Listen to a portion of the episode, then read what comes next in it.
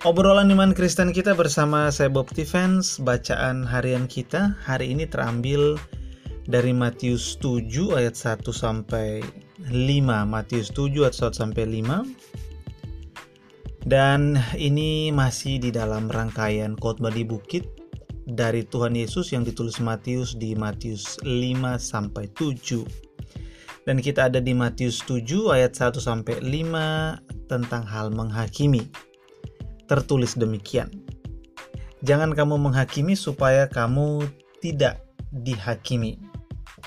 Karena dengan penghakiman yang kamu pakai untuk menghakimi, kamu akan dihakimi.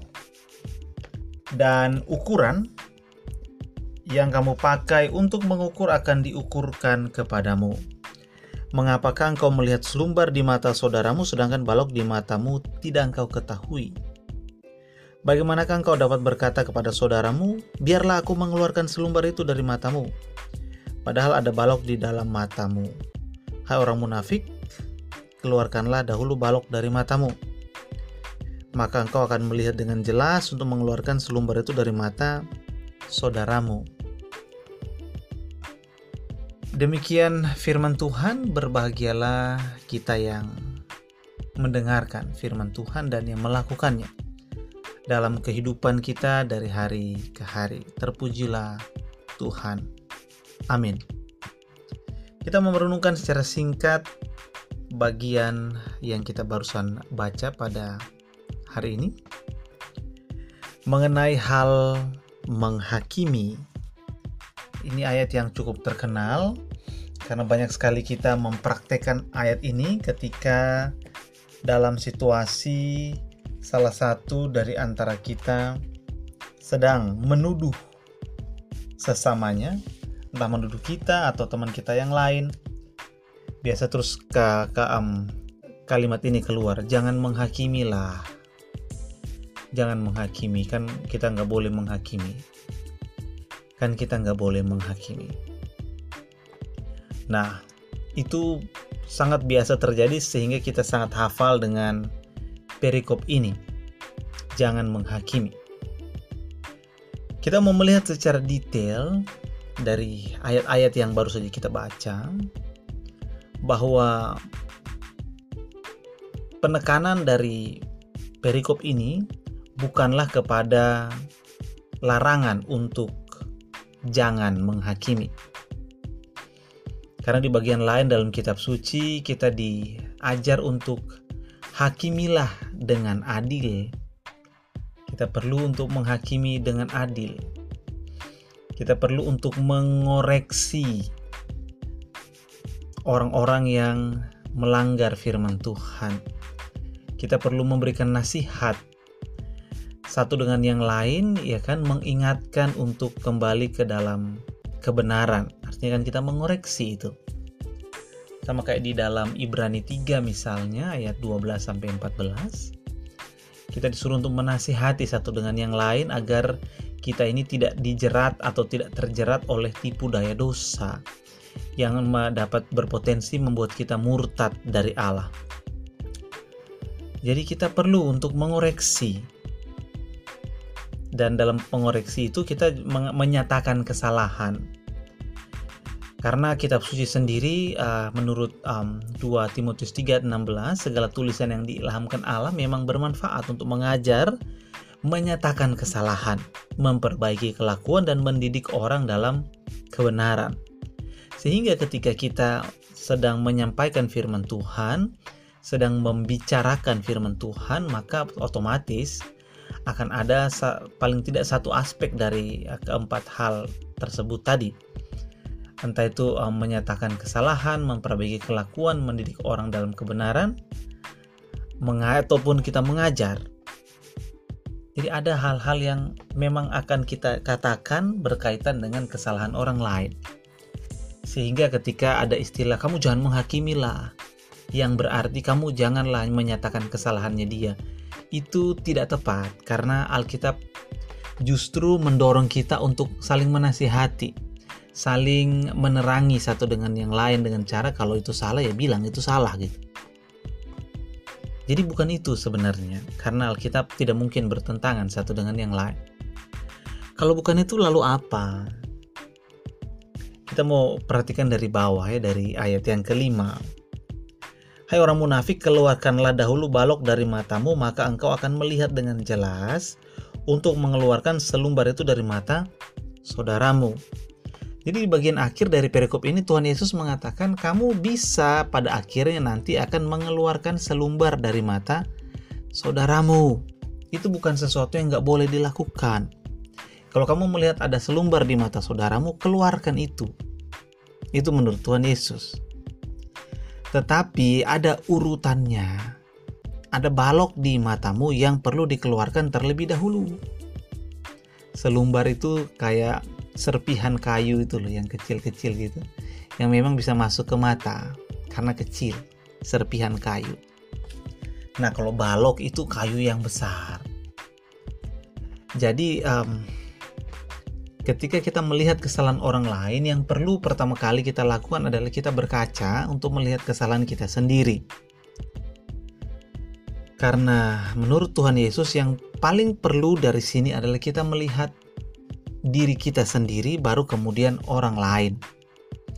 Melihat ke dalam diri, mengukur diri kita dulu, baru dengan ukuran yang sama kita pakai untuk mengukur orang lain. Karena tujuan akhir dari kehidupan iman kita bukanlah memperbaiki orang lain.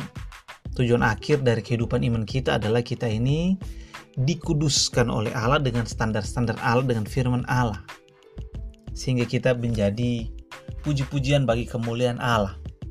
Jadi diri kita yang menjadi um, objek pertama dari koreksi, bukan orang lain. Jangan menghakimi di sini berarti kamu jangan menyatakan kesalahan orang lain kalau di dalam dirimu sendiri kamu masih memiliki kesalahan yang sama. Sekali lagi, jangan menghakimi di sini berarti kamu jangan mengoreksi atau menyatakan kesalahan orang lain kalau kamu sendiri masih memiliki menghidupi kesalahan yang sama. Jadi sudah ngotot gitu kan. Ini orang kok ngotot sekali mengoreksi orang lain sementara dia sendiri masih bergumul dengan hal itu. Sehingga nasihat Tuhan Yesus adalah bukan berhenti mengoreksi orang lain, bukan, karena kita perlu untuk menyatakan kesalahan. Kita perlu untuk memberikan nasihat-nasihat kebenaran, perlu. Yang Tuhan Yesus pentingkan pertama-tama adalah kita sendiri, bukan orang lain. Sehingga ukuran yang tadi kita hendak kenakan ke orang lain pertama-tama kita perlu mengenakan ukuran itu untuk diri kita sendiri. Dan dengan standar Allah itu kita bertindak, bergerak, dan memiliki semangat untuk kita ini menghidupi standar Allah itu. Sehingga ketika Tuhan Yesus mengatakan, "Mengapa engkau melihat selumbar di mata saudaramu, sedangkan balok di matamu tidak engkau ketahui?" Jadi, sudah melihat kesalahan orang, tapi kemudian kesalahan dirinya sendiri tidak bisa dia lihat. Nah, itu yang tidak Tuhan Yesus kehendaki. Yang Tuhan Yesus kehendaki adalah kita ini punya kebiasaan untuk membuka hati, menyelidiki hati dan berdoa agar Tuhan itu menolong kita agar kita dikuduskan di dalam hati batin kita dan dalam kehidupan kita secara umum. Sehingga semangat untuk mengoreksi itu bukanlah semangat yang buruk tapi semangat yang baik. Semangat untuk menyatakan kesalahan orang lain itu semangat yang baik dengan latar bahwa kesalahan orang lain itu perlu untuk diterangi oleh firman Tuhan. Tetapi itu adalah urutan yang kedua. Karena urutan yang pertama adalah mari kita membawa semangat mengoreksi tadi ke dalam diri kita sendiri. Karena kehendak Tuhan adalah agar kita ini mengoreksi diri kita sendiri terlebih dahulu. Terlebih dahulu. Ayat 4 mengatakan bagaimanakah engkau dapat berkata kepada saudaramu, biarlah aku mengeluarkan selumbar itu dari matamu, padahal ada balok di dalam matamu. Bagi Tuhan Yesus itu hal yang tidak mungkin terjadi. Kita melihat menyatakan kesalahan orang lain, tetapi kita enggan untuk kesalahan kita diungkapkan oleh Tuhan dan diperbaiki. Ada keengganan di sana, keengganan untuk tidak dikoreksi oleh orang lain, bahkan oleh Tuhan. Padahal, kan kita tahu bahwa Allah memanggil kita untuk dikuduskan. Dan salah satu bagian terbaik Allah menguduskan kita adalah ketika kita ini terbuka kepada Allah. Bukan kemudian kita melihat dengan mata yang tajam kepada orang lain, tetapi pada diri sendiri kita buta. Nah, itu isi dari perikop yang kita baca pada hari ini. Maka ayat yang terakhir Tuhan bilang, "Hai orang munafik, Keluarkanlah dahulu balok dari matamu, maka engkau akan melihat dengan jelas untuk mengeluarkan selumbar itu dari mata saudaramu. Ketika kita terbuka, merendahkan hati untuk dikoreksi oleh Allah, dan balok itu sudah diambil, maka kita punya kemampuan untuk juga bisa membersihkan, kita bisa juga menolong sesama kita untuk keluar dari hal-hal yang salah yang mengandung dosa. Kita bisa mengoreksi karena kita sudah terlebih dahulu dikoreksi oleh Allah. Nah, itu hal yang hal menghakimi. Hal menghakimi. Jadi hal menghakimi itu bukan mengenai tidak lagi menyatakan kesalahan orang lain, bukan. Kesalahan orang lain perlu perlu untuk dikoreksi. Bahkan kesalahan kita sendiri apalagi perlu dikoreksi. Itu mengapa Tuhan memberikan urutannya.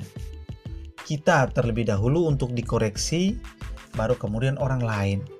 Karena kalau tidak begitu Tuhan memanggil kita adalah orang munafik. Sementara kita tahu bahwa di dalam Kristus kita ditebus Tuhan agar kita berubah dari kecenderungan yang munafik kepada kecenderungan yang baik dari menyalahkan orang lain menjadi mengoreksi diri sendiri terlebih dahulu. Mengoreksi diri sendiri terlebih dahulu. Dengan demikian, maka kita bisa mengoreksi juga orang lain, karena perbedaan ukuran antara balok dan selumbar adalah adalah perbedaan yang sangat besar. Dan Tuhan memandang kesalahan orang lain dari kacamata kita itu selumbar yang memang perlu dikeluarkan tetapi Tuhan memandang kesalahan kita sendiri seperti balok yang jauh lebih besar dari sekedar selumbar. Sehingga, saudara, mari dengan semangat kita terbuka merendahkan diri di hadapan Allah, kita datang untuk dikoreksi oleh Allah. Kita datang untuk dikoreksi oleh Allah dan dengan demikian ketika balok itu sudah diambil dari mata kita, maka kita punya penglihatan yang jelas untuk apa? Untuk mengeluarkan selumbar dari mata saudara kita. Nah, ini penting, ini penting uh, perikop kita pada hari ini karena ini berkaitan dengan jangan menghakimi. Jangan menghakimi di sini berarti kita jangan menyatakan kesalahan orang lain sementara kita sendiri berbuat kesalahan yang sama kita perlu terlebih dahulu menyatakan kesalahan kita sendiri mengoreksinya baru kemudian kita bergerak setelah kita dikoreksi balok diambil dari mata kita oleh Tuhan tentu saja baru kemudian kita bisa mengeluarkan selumbar itu dari mata saudara kita. Nah, kira-kira begitu renungan kita pada hari ini mengenai hal menghakimi bahwa kita bukan tidak boleh menyatakan kesalahan orang lain, tetapi hendaklah kita terlebih dahulu mengoreksi diri kita sendiri, membawanya kepada Tuhan agar Tuhan menerangi supaya kita bisa berubah, dan setelah itu baru kemudian kita dapat mengoreksi orang lain. Nah, itu renungan kita pada hari ini. Kiranya Tuhan menolong kita untuk melakukan firman-Nya dari hari ke hari. Amin. Sementara itu sejahtera dari Allah Bapa kita dan kasih karunia darinya menyertai Anda dan orang-orang yang Anda kasihi.